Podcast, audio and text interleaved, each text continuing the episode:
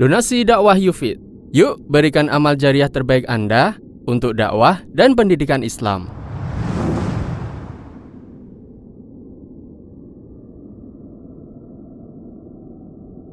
Bismillahirrahmanirrahim. Assalamualaikum warahmatullahi wabarakatuh. Alhamdulillah wa kafa wassalatu wassalamu ala rasulihil mustafa wa sahbihi wa man iktafa amma ba'd.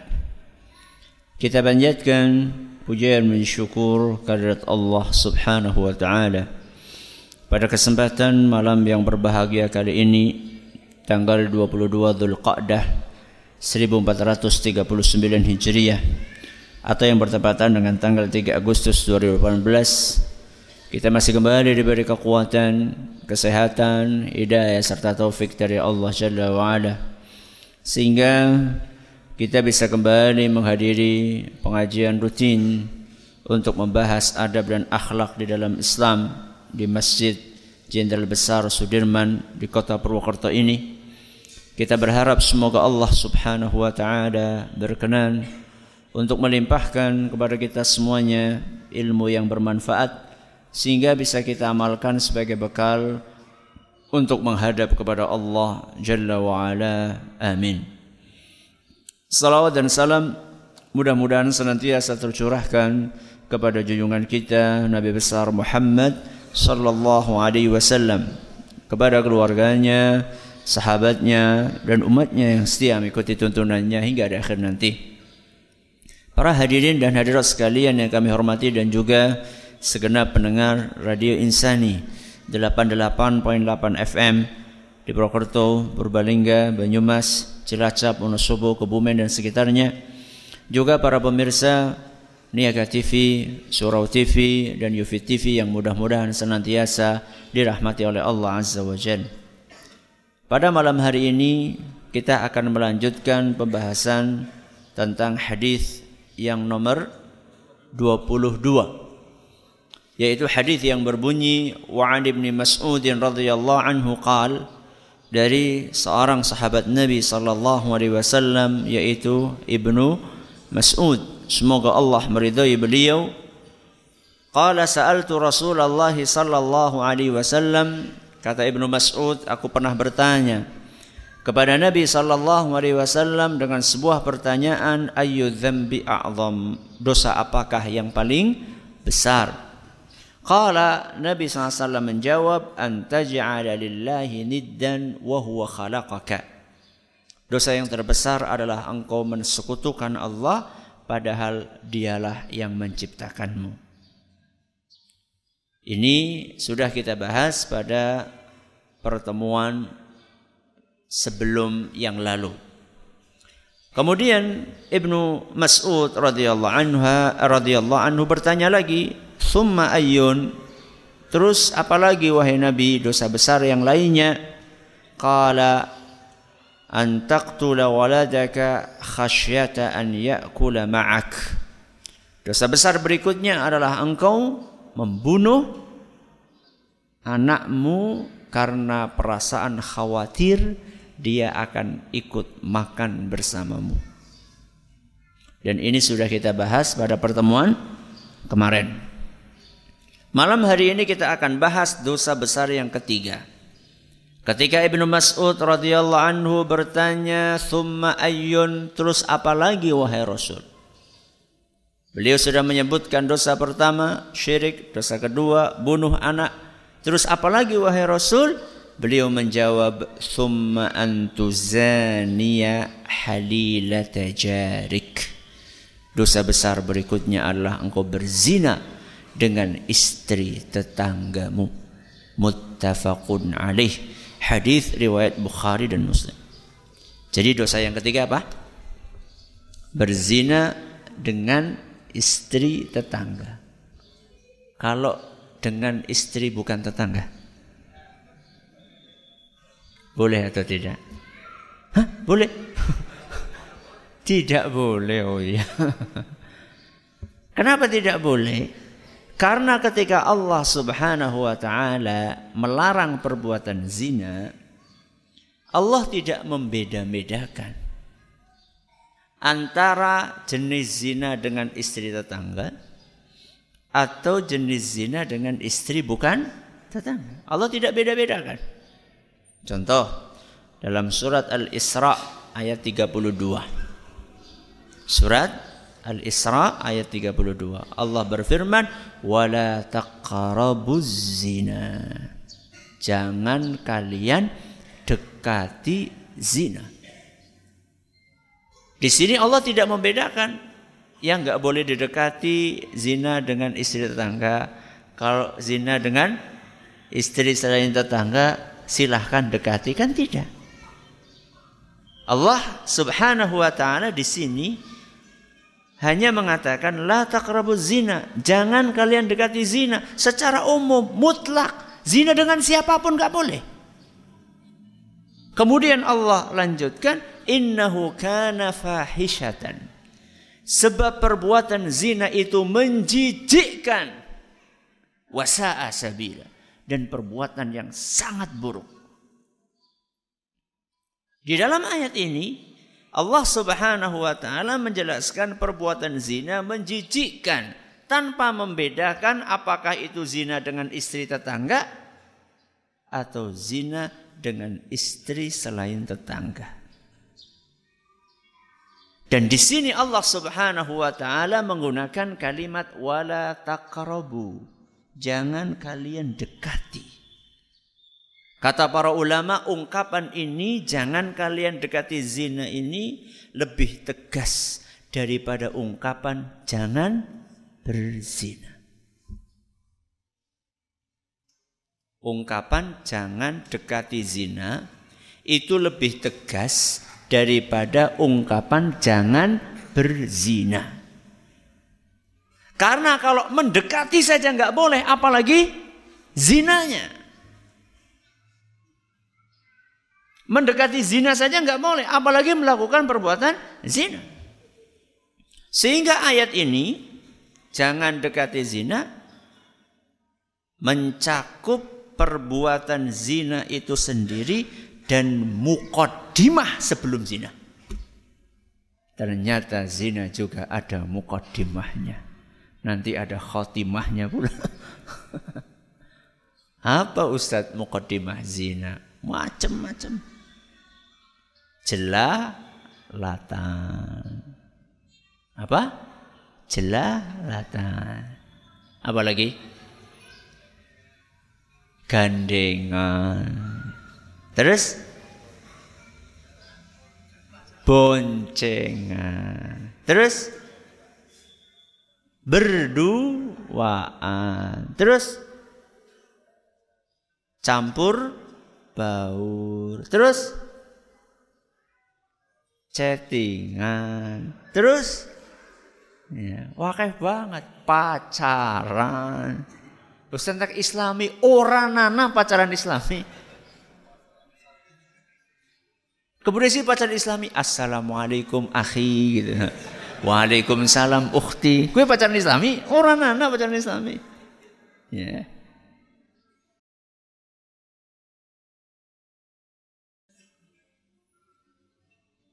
Seluruh tadi pandang-pandangan, kemudian apa tadi?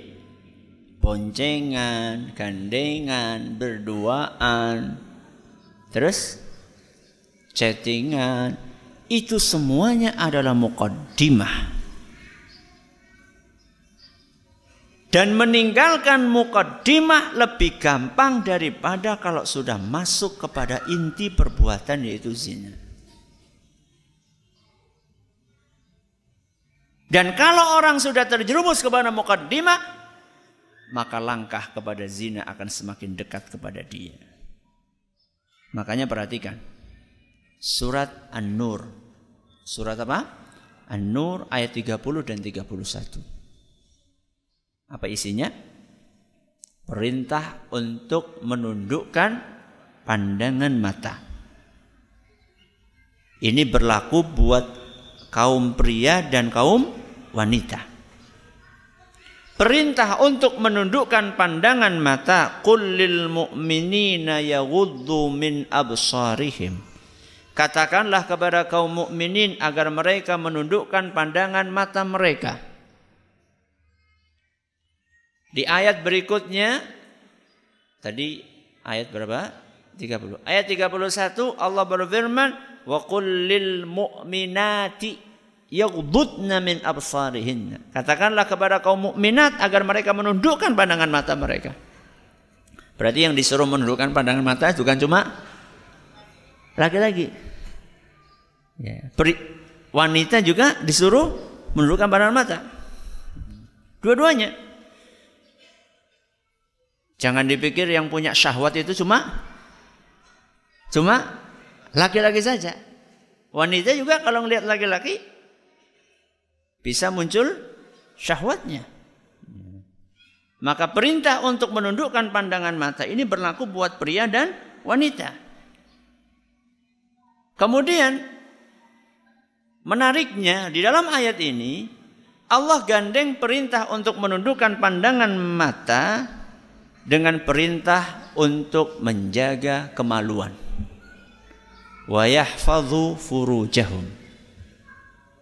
Dan hendaklah mereka menjaga kemaluannya. Jadi perintah untuk menundukkan pandangan mata digandengkan dengan perintah untuk menjaga kemaluan. Kenapa? Karena menundukkan pandangan mata adalah langkah pertama untuk menjaga kemaluan. Orang yang tidak menjaga pandangan matanya sulit untuk menjaga kemaluannya. Sebaliknya, orang yang terbiasa menundukkan pandangan matanya, maka dia akan ringan untuk menjaga kemaluannya. Maka mulailah dari mata. Kalau Anda merasa sulit untuk meninggalkan perbuatan zina, maka awalilah dengan menundukkan pandangan mata. Walaupun pandangan itu tidak disengaja. Apalagi kita hidup di zaman yang Masya Allah. Ya, peluang untuk zina mata itu sangat terbuka lebar di hadapan kita. Bukan cuma di dunia nyata, termasuk di dunia maya. Di dunia nyata kita tahulah keluar rumah sedikit nggak usah cari-cari bakalan ketemu, nggak perlu nyari-nyari. Ya, cukup duduk sebentar saja di luar rumah akan seliwar, seliwar, seliwar, seliwar, sing warnane abang, sing warnane hijau, sing warnane kuning, sing warnane biru. Ini nggak ada kaitannya dengan partai. Cuman memang qadarullah pakaiannya seperti itu gitu loh. Ada yang berbaju ini, ada yang berbaju ini. Gak usah jauh-jauh. Tanpa kita sengaja kita akan menemukannya. Termasuk di dunia maya. Di HP kita, di internet, di gadget, di televisi. Semuanya terpampang dengan bebas.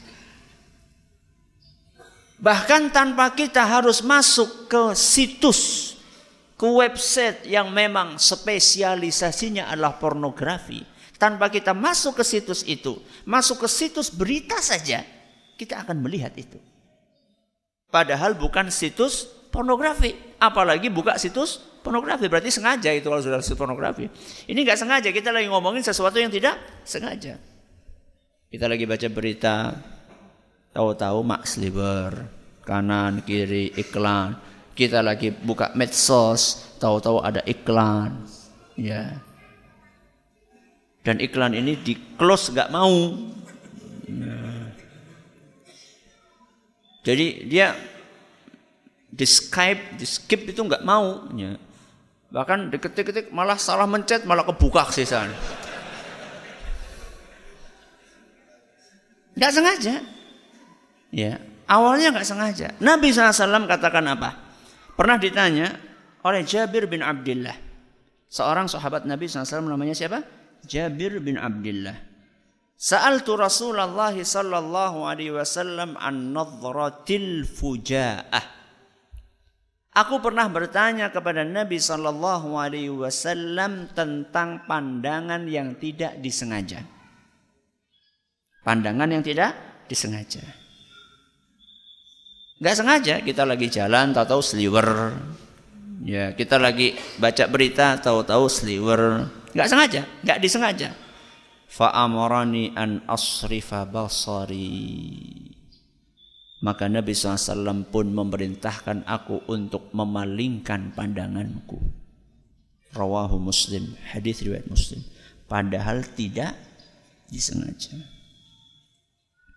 Tidak disengaja saja oleh Nabi SAW disuruh untuk memalingkan pandangan apalagi pandangan yang sengaja. Jadi kesimpulannya zina dengan istri selain tetangga boleh atau tidak? Tidak boleh. Kenapa? Di dalam hadis yang sedang kita pelajari ini, Nabi SAW sebutkan dosa yang ketiga berzina dengan istri tetangga. Kenapa secara khusus disebutkan istri tetangga?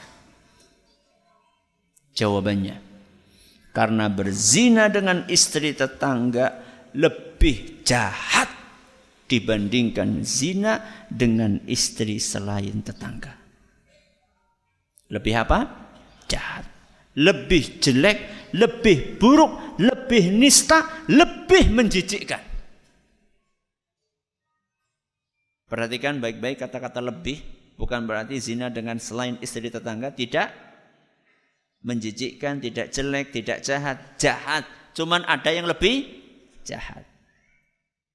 Alasannya apa? Zina dengan istri tetangga lebih jelek, lebih buruk, lebih jahat, lebih menjijikkan. Satu, kata para ulama kita. Perbuatan zina sendiri aslinya itu sudah jahat. Apa? Perbuatan zina sendiri aslinya itu sudah jelek, sudah jahat, sudah buruk. Ketika itu dilakukan dengan istri tetangga, maka akan semakin buruk, semakin jahat, semakin menjijikkan. Kenapa perbuatan zina aslinya sudah jahat? Kata para ulama, zina itu merusak nasab. Merusak nasab. Anak ini bine bin sapa. Bin orang genah. Ya. Hanya merusak nasab kalau tidak jelas binnya siapa yang membiayai anak ini. Pernah ada kejadian nyata. Ada seorang wanita geleman. Apa? Geleman. Geleman gue karo sapa bae gelem maksudnya. Sama si A oke, sama si B oke, sama si C oke. Okay. Si oke ini akeh banget gitu. Setelah oke dengan A, B, C, D, E, F, G, hamil. Ki anaknya siapa Ki? A, B, C, D, E, F, G nggak ada yang mau mengakui. Akhirnya apa? Pihak uh, yang berwenang, wis ngene, dikocok bae. ya nggak bisa lah. Siapa yang keluar namanya? Itulah bapaknya. Gak bisa seperti itu. Ya. Ini gak jelas bapaknya. Nanti ketika lahir anaknya terlantar. Ramamu siapa? Anaknya gak bersalah. Jadi kalau ada istilah anak haram, jada, anak apa namanya? Anak apa? Haram jadah ya, bener ya. Itu bukan anaknya yang salah. Anaknya kalau disuruh milih, kamu mau lahir wajar apa tidak wajar? Maksudnya lewat pernikahan yang sah atau lewat zina, pasti anaknya milih lewat pernikahan yang sah, tapi kan dia nggak bisa milih. Maka sekalipun ada anak hasil perbuatan zina tidak boleh kita olok-olok. Ya, yang bersalah siapa? laki-laki dan perempuannya. Ya. Merusak nasab. Merusak keluarga. Betapa banyak keluarga yang hancur berantakan gara-gara perbuatan zina. Padahal keluarga itu sudah puluhan tahun. Dan sudah melahirkan anak sekian. Bahkan ada yang sudah punya cucu. Hancur berantakan dengan perbuatan zina. Wanita idaman lain, pria idaman lain dan saya di rumah sering kedatangan yang seperti itu. Ustadz, suami saya seperti ini. Sebaliknya, besoknya Ustadz, istri saya seperti ini. Hancur. Mereka mau pisah. Anak-anak ada di hadapan mereka membutuhkan kasih sayang. Mereka tidak pisah rasanya jijik. Karena ini sudah berzina dengan orang lain. Dilematis. Ya. merusak rumah tangga. Merusak kehormatan. Merusak kehormatan. Walaupun kehormatan itu di zaman ini murah Dan memang musuh-musuh Islam berusaha untuk merusak kehormatan anak-anak kita, putra dan putri kita. Sayang banyak di antara orang tua yang tidak sadar bahwa putra putrinya sedang diincar oleh para serigala-serigala buas. Heran saya. Anak TK, anak SD, bahkan anak SMP tanpa ada keperluan yang mendesak sudah dibekali gadget HP yang lengkap dengan fasilitas internetnya. Di mana akal sehat orang tua. Nun sewu kita nih yang sudah tua-tua ini. Yang ya wis tua loh. Ya, kita yang sudah tua-tua ini Pernah nggak tergoda untuk melihat sesuatu yang haram? Pernah nggak? Pernah atau tidak? Pernah. Padahal akal kita, otak kita dibandingkan anak-anak kecil. Otaknya orang dewasa itu kan lebih sem sempurna. Orang dewasa itu sudah bisa lebih sudah lebih mampu untuk membedakan mana yang baik, mana yang buruk. Mana yang bermanfaat, mana yang tidak bermanfaat, mana yang berbahaya, mana yang tidak berbahaya. Karena otak orang dewasa itu sudah lebih sem sempurna. Anda bisa bayangkan orang dewasa yang otaknya sudah sempurna saja bisa tergoda untuk terjerumus kepada hal-hal yang haram yang ada di media sosial, yang ada di internet. Apalagi anak kecil yang otaknya belum sempurna. Untuk apa kita kasih mereka gadget? Apa manfaatnya? Ustadz kalau saya pengen ngubungi gampang. Bok hilang anakku. Ora hilang ora. Kulo kali jenengan ketika TK SD dulu pegang HP atau tidak? Pegang HP atau tidak? Hilang apa ora? Pokoknya si anak kutul seprene. Itu alasan yang dibuat-buat. Ya tapi kan ada keperluan. Kalau ada keperluan, suruh dia pakai HP Anda, diawasi oleh Anda. Kok kita bebaskan dia? Bahkan kita kasih fasilitas laptop berinternet kecepatan tinggi di kamarnya bebas silahkan inna lillahi wa inna ilaihi rajiun kalau dia anak kita naudzubillahi min dzalik sudah terjerumus kepada perbuatan zina Nas'alullah salamata wal afiyah. Mudah-mudahan Allah lindungi putra dan putri kita. Saat itulah kita baru gigit jari, menyesal kenapa dan kenapa. Zina itu selain merusak nasab, merusak kehormatan, merusak keluarga, akan merusak masa depan. Merusak anak de masa depan putra dan putri kita. Kenapa? Orang sudah terjerumus kepada perbuatan zina, dia akan ketagihan untuk terus melakukan perbuatan zina. Dan kalau anak sudah pikirannya seks, dia nggak bisa belajar. Dia nggak bisa beribadah dengan baik. Apalagi suruh ngapalin Al-Quran. Menghancurkan masa depan. Makanya wajar. Karena buruknya, jeleknya perbuatan zina itu sampai siksaan yang Allah sediakan buat para pezina di hari kiamat adalah siksaan yang sangat mengerikan. Rasulullah sallallahu alaihi wasallam dalam sebuah hadis yang diriwayatkan oleh Imam Bukhari. Beliau bercerita pada suatu malam pernah bermimpi diajak oleh dua orang malaikat untuk melihat isi neraka. Untuk melihat isi neraka. Panjang ceritanya.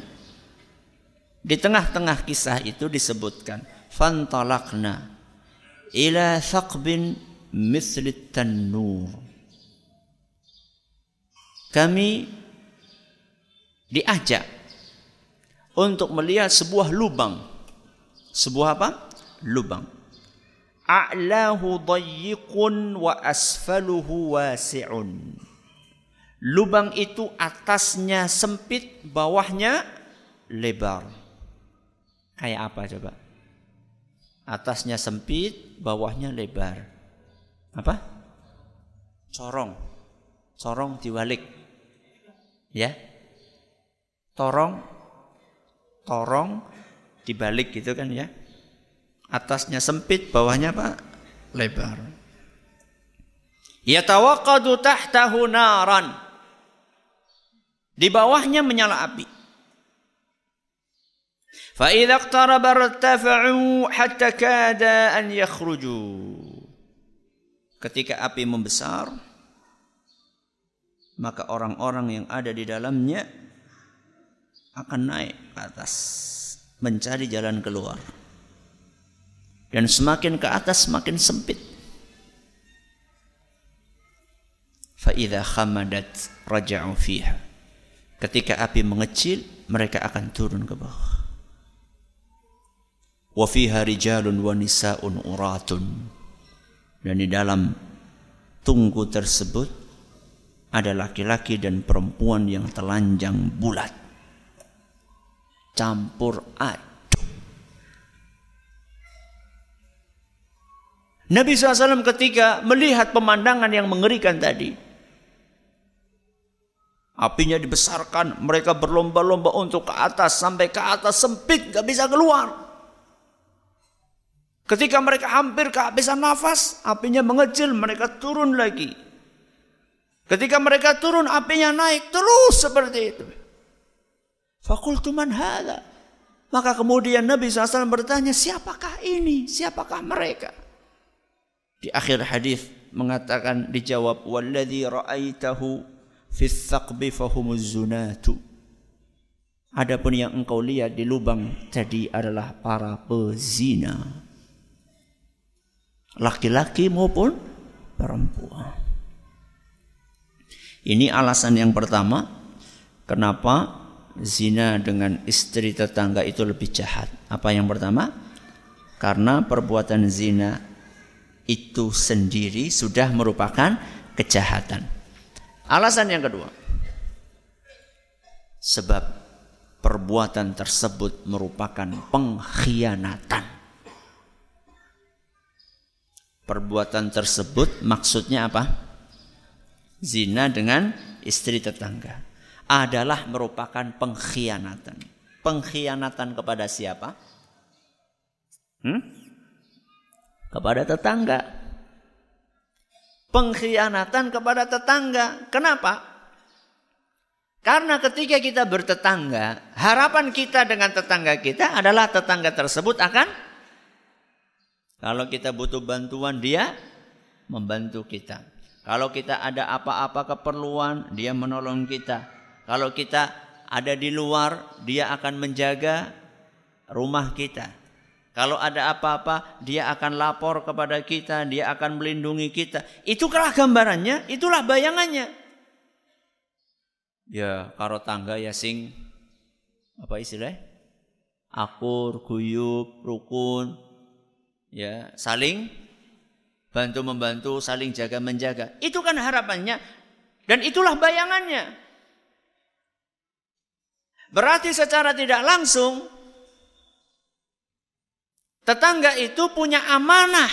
Kita ini punya amanah untuk menjaga tetangga kita. Ketika kita dikasih amanah seperti itu, kok malah kita khianati? Bukannya pagar itu menjaga tanaman, malah pagar itu makan tanaman. Itu adalah perbuatan khianat. Allah Subhanahu wa taala berfirman dalam surat Al-Anfal ayat 27. Surat Al-Anfal ayat 27.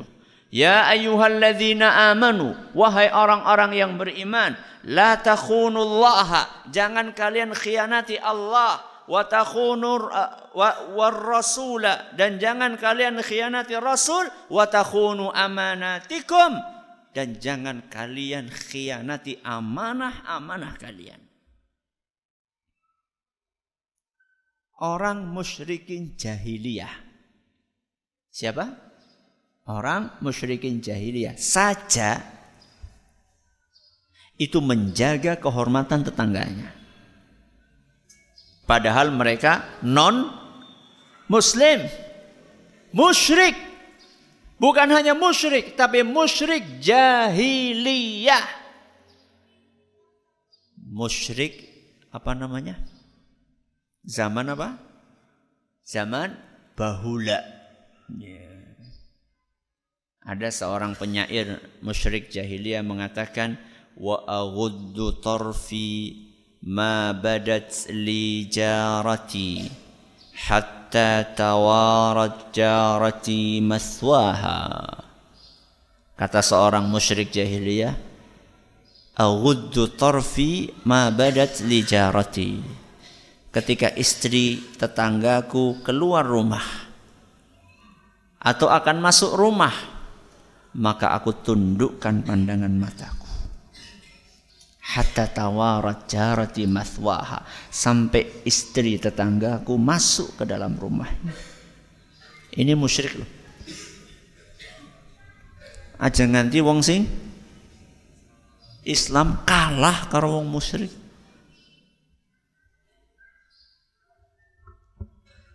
Sliwer uh jebule lebih ayu yo.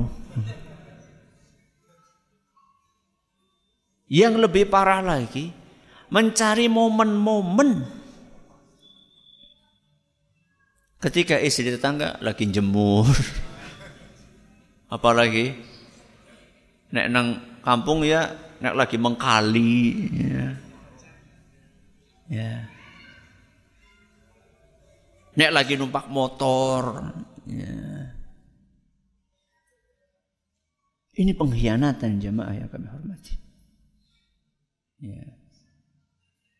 Jangan sampai tetangga kita mengkhawatirkan kejahatan kita. Ini alasan yang keberapa? Alasan yang kedua. Alasan yang ketiga. Perbuatan tersebut menyalahi wasiat Allah dan wasiat Rasulullah SAW. Apa yang ketiga? menyalahi wasiat Allah dan wasiat Rasulullah sallallahu alaihi wasallam. Apa memang yang diwasiatkan oleh Allah dan Rasulnya sallallahu alaihi wasallam yang diwasiatkan oleh Allah dan Rasulnya mazala yusini Jibrilu bil jari dalam sebuah hadis yang diriwayatkan oleh Imam Bukhari Nabi kita sallallahu alaihi wasallam bersabda Jibril terus menerus menyampaikan wasiat kepadaku tentang tetangga. Apa maksudnya? Wasiat jaga hak tetangga, hormati tetangga, bantu tetangga, jangan sakiti tetangga. Hari ini kasih wasiat tentang tetangga, besok kasih wasiat tentang tetangga, besoknya lagi pesan lagi tentang tetangga, besoknya terus kasih wasiat agar kita berbuat baik dengan tetangga kita. Kata Nabi SAW, saking seringnya kasih wasiat, hatta annahu sayuwarrithuhu. Sampai aku pikir tetangga itu berhak untuk mendapatkan warisan. Saking apanya?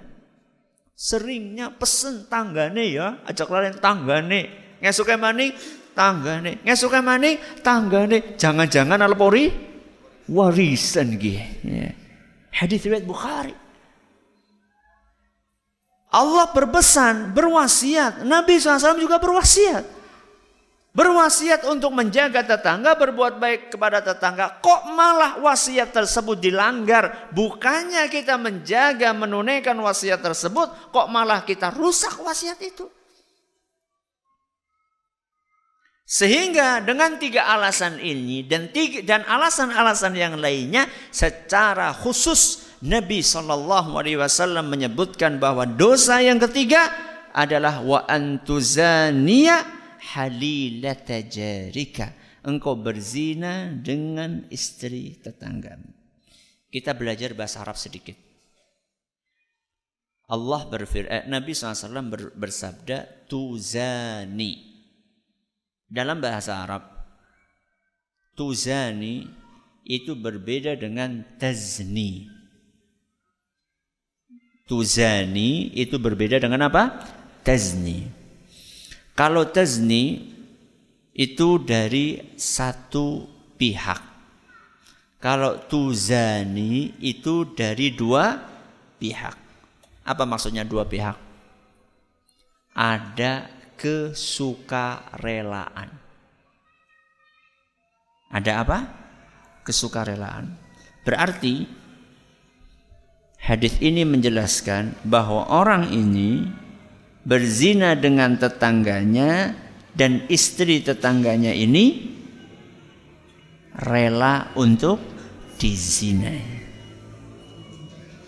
Bagaimana istri tetangga mau rela? Kita akan lanjutkan setelah yang satu ini.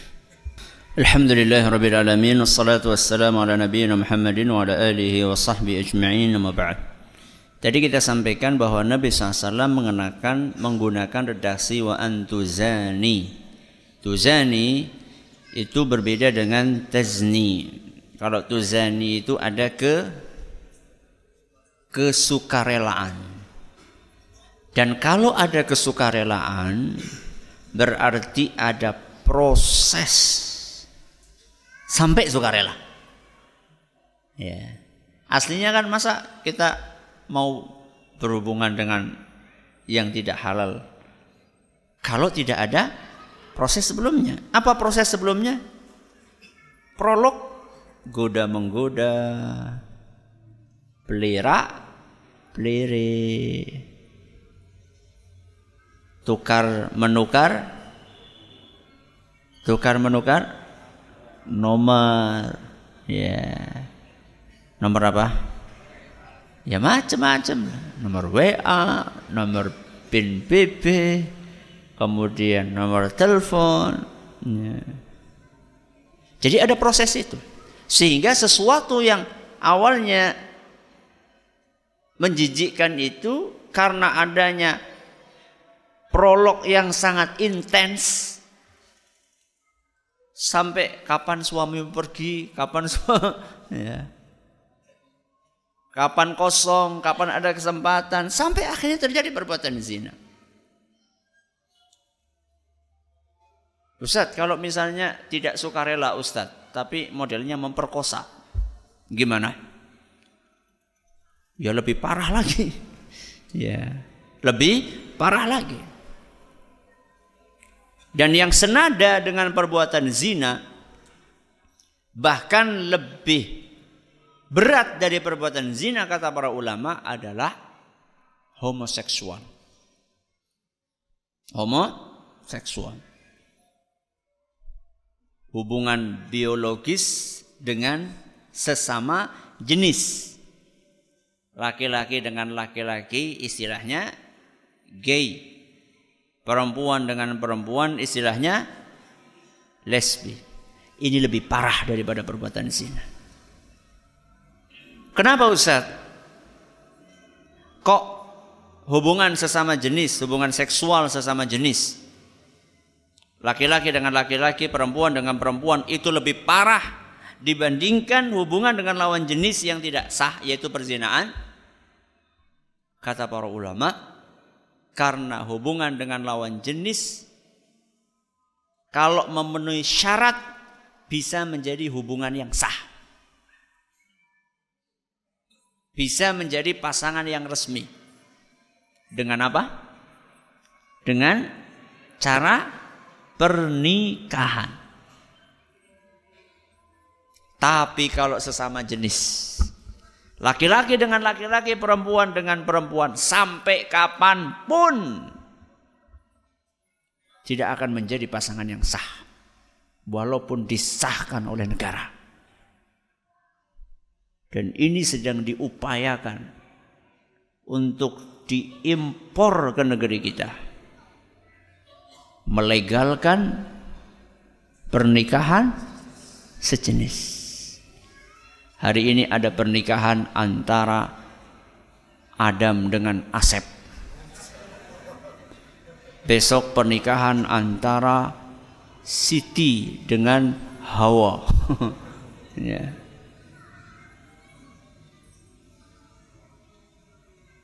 Dan anehnya ada mereka yang berbau agama mendukung hal ini katanya hak asasi manusia.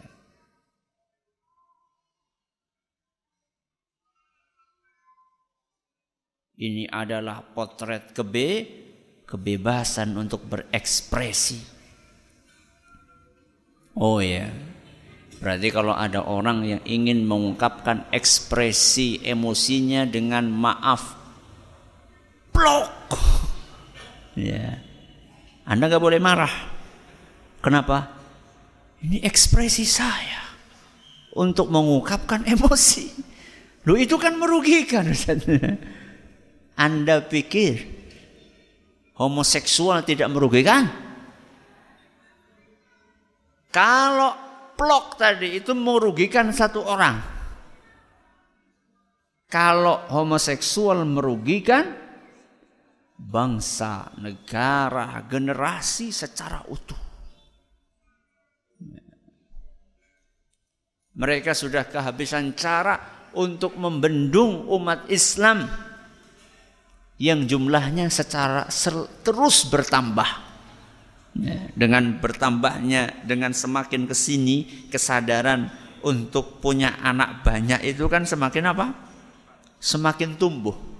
Ya yang sempat surut mulai bangkit lagi. Kalau zaman dahulu, zaman kakek nenek kita sudah biasa anak apa? Banyak. Minimal berapa? 6 minimal. Ya. Rata-rata rolas, telulas, dimulas. Ya. Kemudian setelah itu zaman bapak-bapak kita surut itu. Ya. Cukuplah satu, dua, telupol. Ya. Di zaman ini kan mulai apa? Naik lagi grafiknya. Ya. Makanya kan ribut banget tuh. Kalau pas pengajian, ki wong tuane pada mengdik. Sampai takmir itu menyediakan ya hiburan di bawah. Ya. Mereka bingung ini bendungnya gimana. Ditakut-takuti sudah nggak takut lagi. Karena kita sadar rizki semuanya di tangan Allah. Maka salah satu cara adalah dengan mengkampanyekan LGBT. Ya. Untuk membendung berjumlahnya kaum muslimin. Populasi kaum muslimin. Karena kalau laki-laki sama laki-laki nggak mungkin punya anak. Pedang ketemu pedang. Ya orang mungkin.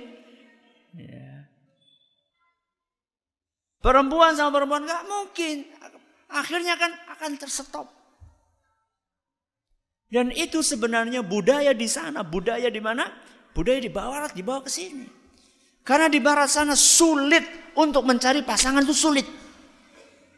Ya. Wanita di sana nggak mau dikekang jadi istri nanti harus gini, harus gini, harus gini. Istrinya pengen apa? Bebas. Wanita pengen bebas di sana. Ya. Akhirnya laki-laki bingung sedangkan dia punya tabiat punya nafsu yang harus disalurkan. Ya. Karena sulit cari wanita, akhirnya ya wis lah, seanane baik. Ya. Sedangkan perempuannya lama-lama mereka juga bingung. Aduh, saya juga harus menyalurkan. Laki-lakinya nggak ada yang mau. Akhirnya ya wis lah. Seanane baik pada baik. Itu budaya mau ditransfer ke negeri kita. Kok kita welcome? Ya. Kita katakan no way, bukan why not. Ya. Itu budaya jelek mau ditransfer ke negeri kita. Kita katakan why not? Silakan. Monggo. Jangan. No way. Jangan kasih jalan. Ya. Masing-masing berjuang di bidangnya. Yang punya wewenang. Hadang itu. Undang-undang yang ingin dimasukkan. Buat apa Anda duduk di sana kalau Anda tidak membendung undang-undang yang jelek seperti itu? Para ustadz, para mubalik, para kiai jangan pernah berhenti untuk mengkampanyekan melawan propaganda tersebut. Para orang tua awasi. Kalau sudah gandeng-gandengan sama sesama jenis ke marasi ke. Ya. Bukan berarti nggak boleh berteman, tapi berteman tapi sewa sewajarnya. Para guru Ya. Jadilah guru yang matanya awas, telinganya tajam, lisannya halus. Ya, jadi walik. Ya. Matanya apa? Awas, telinganya tajam, lisannya halus. Aja diwalik, diwalik we lisane tajam. Telinganya halus, orang kerungu gitu. Jangan matanya apa? Awas, melihat gelagat-gelagat yang aneh. Ya. Laki-laki dengan laki-laki, perempuan dengan perempuan sudah duduk kok duduknya enggak wajar, rangkul-rangkulan, ya. Awas teling matanya. Telinganya apa tadi? Tajam. Karena suara orang genah gitu. Ya apa gitu? Ya. Tajam. Tapi lisannya apa? halus ditegur dengan cara yang baik ya mungkin mereka khilaf mungkin mereka barusan melihat sesuatu yang tidak baik di HP mereka. Panggil dinasehati ditanya ya dikasih wejana guru. Pemerintah orang tua ustadz mubalik guru semua saja kita harus bekerja untuk membendung apa yang akan ditransfer ke negeri kita berupa kejahatan dan kerusakan moral. Mudah-mudahan bermanfaat. Terima kasih atas perhatiannya. Mohon atas segala kurangnya kita tutup dengan membaca Subhanakallahumma wa bihamdika asyhadu an la ilaha illa anta astaghfiruka wa atubu ilaik. Wassalamualaikum warahmatullahi wabarakatuh. Donasi dakwah Yufid. Yuk berikan amal jariah terbaik Anda untuk dakwah dan pendidikan Islam.